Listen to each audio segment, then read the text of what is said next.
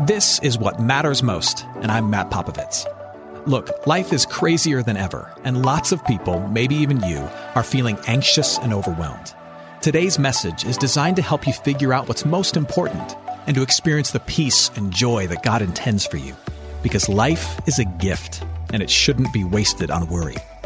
I'd like to give you a resource, something to help you navigate the road ahead. Just go to mattpopovits.com, click on the icon, and we'll send it to you. That's Matt, P-O-P-O-V-I-T-S dot com. And hey, if you happen to live in the Houston area, I'd love to see you on a Sunday morning at St. Mark in Spring Branch. Head to stmarkhouston.org to plan your visit. Here's today's message. Thanks for listening.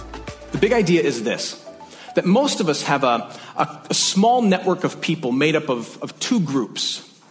And these are people that we love. But in general, you can put people in, in kind of one or two categories. There are those who, those who drain you. You love them, but they drain you. These are people who your entire relationship with, is, with them is defined by what you give to them. They're constantly asking of you and you provide for them and you give to them. You love them, but, but they, but they kind of pull on you. They drain you. And then there are others who, who affirm you. These are people who make you feel okay about yourself. But God's desire for us is that there'd be more than just people who drain you and affirm you in your life. That there would be people who, who pull us, pull on us positively towards the things of God. There would be people in our life who know us and who know Him and who pull us towards the things of God, who change us and who challenge us and who share this much deeper connection with us so that we're not just living in a community of people who ask of us or people who pat us on the shoulder, but people who pull us into who God has called us to be. And that if we're lacking those people, we're missing out. Have you ever wondered why it is that, that we want to have friends in the first place? Why it is we desire to live in community, like dependent upon other people, why we want that? The easy answer is to say, well, that's how God made us. And that's true. That is how God made us. But, but it's actually part of something I think that's bigger and be- more beautiful than that. Uh, Genesis chapter 1, starting at verse 26, tells us about something that Christians have called the image of God, or in Latin, the imago Dei, if you want to pretend you're really, really smart. Listen to these words. This is God speaking in creation about the formation of humanity. Listen to what he says. He says, Let us make man in our image. God is speaking of himself in the plural. This is one of the hints towards Trinitarian belief.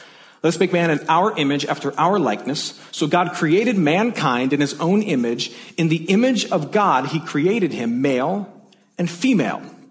What Christians believe is that we as human beings, we are made in God's image. And what that, what that really means is that there is something about humanity that uniquely reflects the characteristics of the God who made us. That you can look at human beings and uniquely human beings and, and see kind of hints and traits of what God is like. It doesn't mean that human beings are God. No, no, we're not saying that. But that because we're made by our Creator in such a unique way, you can see attributes of the Creator when you look at us, this particular part of creation. And what the scriptures tell us about who God is, is that God is, is one person in three persons, that God is Trinity. God is one, yet made up of three distinct persons living in community together. Father, Son, and Holy Spirit, relying on one another, depending on each other, deferring to one another, giving glory to one another, encouraging one another. You see this in the scriptures. You see Jesus giving glory to the Father in his earthly ministry. And what Christians have always believed is that our desire to live in community with other people, relying upon them, encouraging one another, deeply, intimately connected with other people is part of this reflection of the character of God in us. God is in community all the time with himself. And so we want to be in deep connection and community with other people. It's part of the image of God in us. Now, here's the problem. Because we're sinful, broken, messed up people, not anybody in this room, but everybody else. Because we're sinful, broken, messed up people, we really, really stink at friendships. We, we might have some good ones, but we stink at living at the level of connection and community that God calls us to and desires for us, that He experiences as God, that He desires for us as His creation. We're really, really bad at it. And there's a lot of reasons why we're bad at it. We're going to talk about a bunch of those this morning.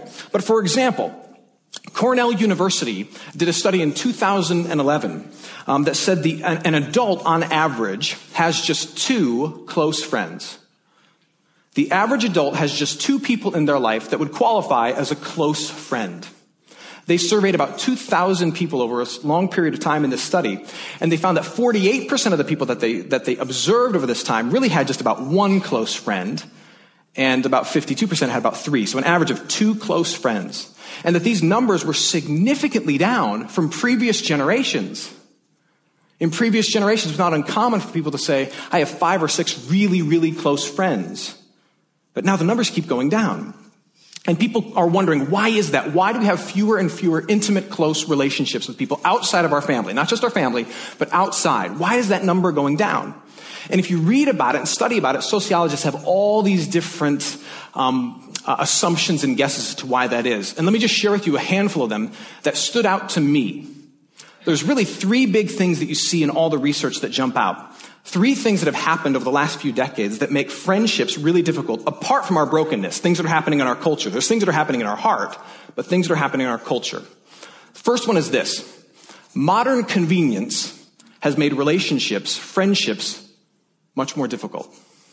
Modern convenience has made it much more easy, much easier for me to live an isolated existence. One of the things that, that a lot of researchers point to as a turning point in, um, in relationships for people in the modern era is something that you maybe never would guess. Air conditioning. Believe it or not, air conditioning. Climate control within buildings. And it makes sense if you think about it. Years and years ago, without climate control in a building, when it got hot in the summer, did you stay inside or go outside? You went outside, and everybody was outside. And sociologists say that fostered relationships and connections and conversations throughout the entire year. Now, when it gets hot, where do you go? You go inside, you go to the mall, that's where you go, and you don't talk to anybody while you're there. Or you stay inside locked in your apartment building, right? What used to draw us outside to each other now drives us inside to ourselves. Another example. Um, people often point to the advent of, uh, you know, 10 or 15 years ago of caller ID, of answering machines and voicemail. That the ability to control the number of conversations we have unsolicited with people changed things. I was trying to explain to my eight year old daughter the other day the idea of prank phone calls. And she, she couldn't wrap her mind around the idea that there used to be this day and time when you would call someone and they had no idea who it was. Like their number didn't pop up, their name didn't pop up. And she's like, people didn't know who was calling? And I said, no. Like back in the day, like in the 90s, like if if you picked up the phone, it was just, it was like Russian roulette. You never knew what you were going to get, right? And you pick up the phone, you were stuck with whoever was on the other line. And if you're a 13 year old teenage boy sitting at home alone in the summer, that makes for a lot of fun because you just order pizzas to people all day long. She couldn't wrap her mind around that. But now what do we do? We screen our phone calls and we go, oh, I'll listen to the voicemail and text them back. That's what we do. And it's put control of conversations more into our hands. Um, the, the, thing that we're wrestling with in our day and age right now that's really um, something new for our, in our generation is mobile personal entertainment. Think about this. Most forms of entertainment years ago used to be communal.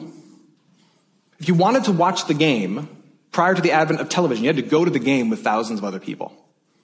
If you wanted to go to the movies, you took your family with other families to the movies. If you wanted to exercise, you went to the park with other people. You took the kids to go run around with all the other kids in the playground. Now you can do all of those things alone. You can do all of those things via your phone. You can do all of those things in the privacy of your own home. What we used to do together, we now do alone. The second issue that's changing our culture is transience. The fact that people are much more mobile than ever. The average American will move five times in their life, once every five years, rather. Average American will move once every five years. And now, in, in 21st century United States, if you're between the age of 20 and 40, on average, you will move once every three years. It used to be decades ago that when you landed in a community or in a home, you stayed there, you set up shop there, and the roots of relationships grew around you. And relationships require two things. Relationships require time and the promise of permanence. It takes time for us to grow close as friends. And I also need to know that you're not going to leave anytime soon. I need the promise of permanence. And if we're all moving, not, not across the United States, but just across town, relationships suffer. I hope you're enjoying today's message. For more of what matters most, you can head to mattpopovits.com. There you'll find other messages. You can support this ministry as well as access your free gift. Oh, and if you're looking for a local church and you live in Houston, come and see what's happening at St. Mark Houston. To plan your visit, head to stmarkhouston.org. Thanks for listening, and back to today's message. The third piece is this, and we talk about it a lot. Third piece is social media. It's changing the landscape of how we try to connect as human beings. Most of it is really, really good, and we're going to continue to try and use a lot of it here at, uh, at OSNY. But, but one of the traps that people are discovering about social media when it comes to our connections is that it can lull you into a sense of having relationships when you don't actually have relationships. It can make you feel as though you're being loved and having certain needs met, when in reality, you're not really being loved and having certain needs met. So, I have a need for affirmation or for other people to encourage me or to feel connected to others. And so I post something on Facebook or Twitter. And then later on, I find out that somebody liked, you know, the picture of my food or my sarcastic comment about the Grammys or whatever. And all of a sudden, I feel recognized and loved and liked and affirmed. And it kind of assuages that need for a while when in reality, I'm not actually being loved or liked or affirmed. I'm sitting by myself. And what I'm doing is I'm, I'm hitting the snooze button on my need to actually be with other people, which is what drove me in many cases to put content out there in the first place. So you take these things together and people are realizing, you know, it's tough to be in relationship with other people today. Not just because of all the weirdness inside my heart, but there are some unique hurdles in the, in the world at large. Now, the good news is that Jesus fixes some of this stuff. So here's Jesus coming in, and he's going to be the hero. What Christians believe is that, is that Jesus restores the opportunity for us to live in true, deep friendship and community with one another. Jesus gives us the opportunity for those relationships that pull us towards the, the purposes of God in our life. He does more than just kind of save us and make us right with the Father. He crafts a whole new community of people for us to have our deepest needs met. And you heard this earlier when we had the book of Hebrews being read to us. So let me just kind of go back there. Um, Hebrews chapter 10. I'm going to walk through this rather slowly. It says, let us draw near to God. The first thing you're going to notice there is that the life of faith is not meant to be lived in the singular, but in the plural. Let us draw near to God with a true heart full of assurance of faith, with our hearts sprinkled clean from an evil conscience, and our bodies washed with pure water. You notice all of the, of the plural pronouns there. Your faith is meant to be lived with other people, and the connection is that you both have this, this right relationship with the Father given to you through Jesus. Let us hold fast the confession of our hope without wavering. We encourage one another to hold on to the promises that our sins are forgiven and our future is secure through Jesus. For he who promised is faithful. And let us consider how to stir up one another. The, the actual Greek word there can also be translated as provoke. Um, it's only ever used in negative context. Here is the first positive context in which that word is used. And what it means is you kind of walk up to somebody and kind of like poke them right in the side. Right? That, that annoying thing like your older brother used to do to you. Right? Just poke you right there and go, oh my gosh, what are you doing to me? And the image here that the writer of Hebrews gives us is that one of our goals together is as we're sharing this connection of what we believe, as we're encouraging one another in the story of Jesus, that when we see one of us kind of walking off the path or kind of getting down, that we're walking up to each other and we're going, hey, hey, hey, hey, hey. I'm poking you, I'm prodding you, I'm provoking you towards the life we're supposed to live, which can be annoying, but necessary how to stir up one another to love and good works, not neglecting to meet together. In other words, come to church. As is the habit of some, but encouraging one another, and all the more as you see the day or the end of all things drawing near. Uh, deep relationships require two things. Deep relationships require an experience that connects us and a mission that motivates us. Deep relationships, like the kind that you're willing to die for, they require an experience that connects us and a mission that motivates us. For example, um, if you're a young mom in the room, chances are that some of your closest friends in the world right now are other what? Other moms. Why is that? It's because you have this experience that connects you being handed this beautiful thing, right? And you have this mission that motivates you together, trying not to screw this, this little thing up, right? And that experience, and that mission binds you together in really deep ways. My little brother uh, was in the military and he served in Afghanistan. And, and I, love hearing his stories because I just can't believe that my little brother, who, who I used to shoot with a BB gun, went over across the world and, and shot bad guys. I can't, I can't believe it, right? And so I love to ask him about these stories. And one of the things that struck me is that the connection he has with the guys that he served with in Afghanistan is, is almost deeper than any connection I will ever have with him. Because they have the shared experience of risking their lives. My brother was the gunner on top of a Humvee, and um, they had improvised explosions go off uh, one time underneath them, and they survived. That shared experience binds them together.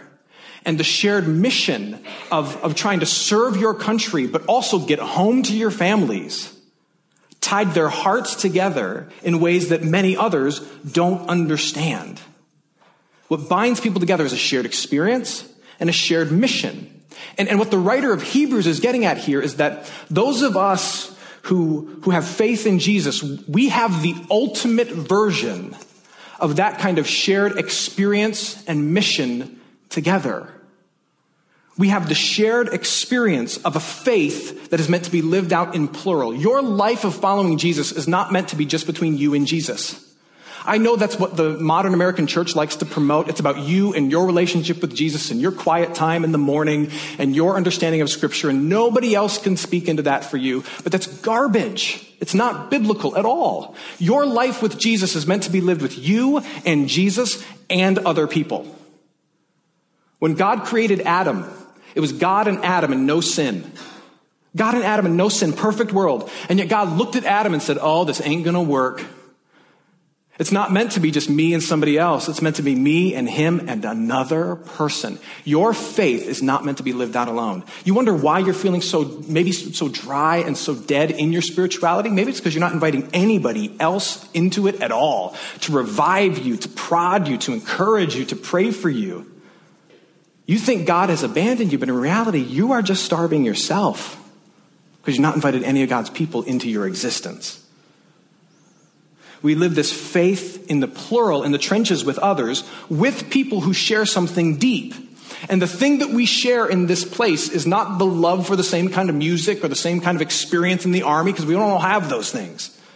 But we are deeply connected through this, this mutual encounter with this God who loves us. And it happened for us at different stages in our life in different ways. But the thing we have in common is that God interrupted my life and your life at some moment. And he revealed to me this truth that, that I am deeply, deeply, deeply, irrevocably broken. But that I am inexplicably and unendingly loved by him through the work of Jesus. And, and, he, and he revealed that to me and he revealed that to you. And that binds us together at the, at the deepest, most core level of our identity as human beings. And now, as a result, even though we're different in many ways, we share that, that one deep connection, and now we are committed to being together and to reminding, reminding one another that we're loved and pushing each other towards God's purposes. And God's purpose for you is greater than you getting into a great college or you having a great family or you finding some great person to marry. He cares about those things. But his mission for you is much higher than that. His mission for you is that he might use you in such a way that you let the rest of the world know, the rest of our city know, that the God who made them is not mad at them.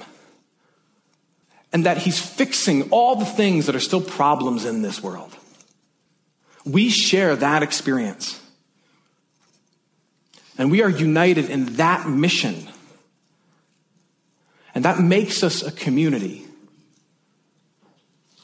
And that fills the gap of the other relationship that you need, which is more than just people who ask of you or people who pat you on the back, but a community of people who can pull you towards the things of God. Pull you towards the things of God. And that is an experience so profound that it can deeply connect even the most diverse of people. There's, a, there's a great theologian named Don Carson. Don Carson. And uh, he has a great quote that I found the other day that I just want to share with you. He's talking about the sense of community that's made uh, with the church. Uh, should be on the uh, should be on the screen. Uh, the church is made up of natural enemies, people who wouldn't be friends otherwise. The church is made up of natural enemies. And what binds us together is not a common education. Some of us have been to college, some haven't. A common race. What binds us together is not common income levels, common politics common nationality, common accents, common jobs, or anything else of that sort. Christians come together because they've all been saved by Jesus Christ, and we owe him a common allegiance. They are a band of natural enemies who choose to love one another for Jesus' sake. I don't know if you know this, um, this little piece of history, but, but the connections that were forged in the early church, talking like the first hundred years after Jesus ascended into heaven and Christianity really got rolling, the, the early days of Christianity, it rattled the Roman Empire, which read, led the world, rattled the Roman Empire to the core. And what rattled it to the core were the connections between these really diverse, different people. Because nowhere else did you see slave and slave owners sitting together. Nowhere else did you see man and woman, Jew and Gentile gathering together in groups in a house as spiritual equals, worshiping together, but then also sharing their stuff, um, encouraging one another. But then also when persecution came, you had slave owner dying for slave to protect them. You, you had woman dying for man, man dying for woman to protect them. And that, that unraveled part of the fabric of the Roman existence. Because nowhere had that kind of connection and friendship and love ever been seen. You need those kind of connections. And, and, and the message of Jesus is that through the work of Jesus, you have the opportunity for those kind of connections in this place, should you take them. My grandfather used to polish stones, and he would make jewelry out of it. And I remember watching him polish stones, and he'd take these rocks and a little bit of chemical, and he'd throw them in this tumbler, and they would just spin around for hours and hours and hours and hours and hours, and these rough rocks would then come out smooth. And it was like magic to me. And he'd pull them out, and I'd say, I'd say, Papa, how does that happen? How does that work? And he says, Well, it's really simple. You take these rough rocks and you, you put them in the tumbler, and with a, with a little bit of chemical, you spin them around, and they just bash up against each other for hours. But by bashing up against each other, it takes all the rough edges off and you have something beautiful. Did you know that relationships serve the same purpose? That all of us people with really rough edges, we, we get together in this thing called the church, and then, and then there's this kind of extra magic called the Holy Spirit working among us too. And, and by kind of like rattling together and bumping into each other and awkwardly trying to love each other and, and in a broken way serve together and grow our church and pray for each other. And it's never perfect, but it's, but it's, but we're always trying by, by kind of bashing into each other in this tumbler called the community of church. We, we, we exit it much, much more polished and beautiful than we would have had we never entered it. You, you can't say that you love Jesus yet hate his bride. The church is the bride of Jesus. We are his beloved treasure. And there are far too many people say, well, well I, I have a connection to Jesus, but I don't do the church thing. Well, then you don't do Jesus. That's like you saying you want to be friends with me, but not with my wife. I'm sorry, we're a package deal. Like if you don't love her, you don't love me. Because we're one. And you can't say you love Jesus, but you don't want to be with his people and be friends with them and get connected to them because, because they're one. Can't love Jesus and hate his bride. Because his bride has power, and through connecting with the church, that's how he is going to change you. Hey, it's Matt. I hope you enjoyed what matters most. Here's what I need you to know life is a gift, and it shouldn't be wasted on worry. I want to help you figure out what's most important and to experience the peace and joy that God intends for you. So, for more content, you can head to mattpopovits.com. That's Matt, P O P O V I T S.com. There you can also support this ministry as well as access your free resource, a little something to help you navigate the road ahead. I'd also love to see you on a Sunday morning. If you're in the Houston area, head to stmarkhouston.org to plan your visit. In the meantime, hit me up on Instagram at mpopovits or at facebook.com slash Matt Popovits Ministries. Thanks for listening. Now go and hold tight to what matters most.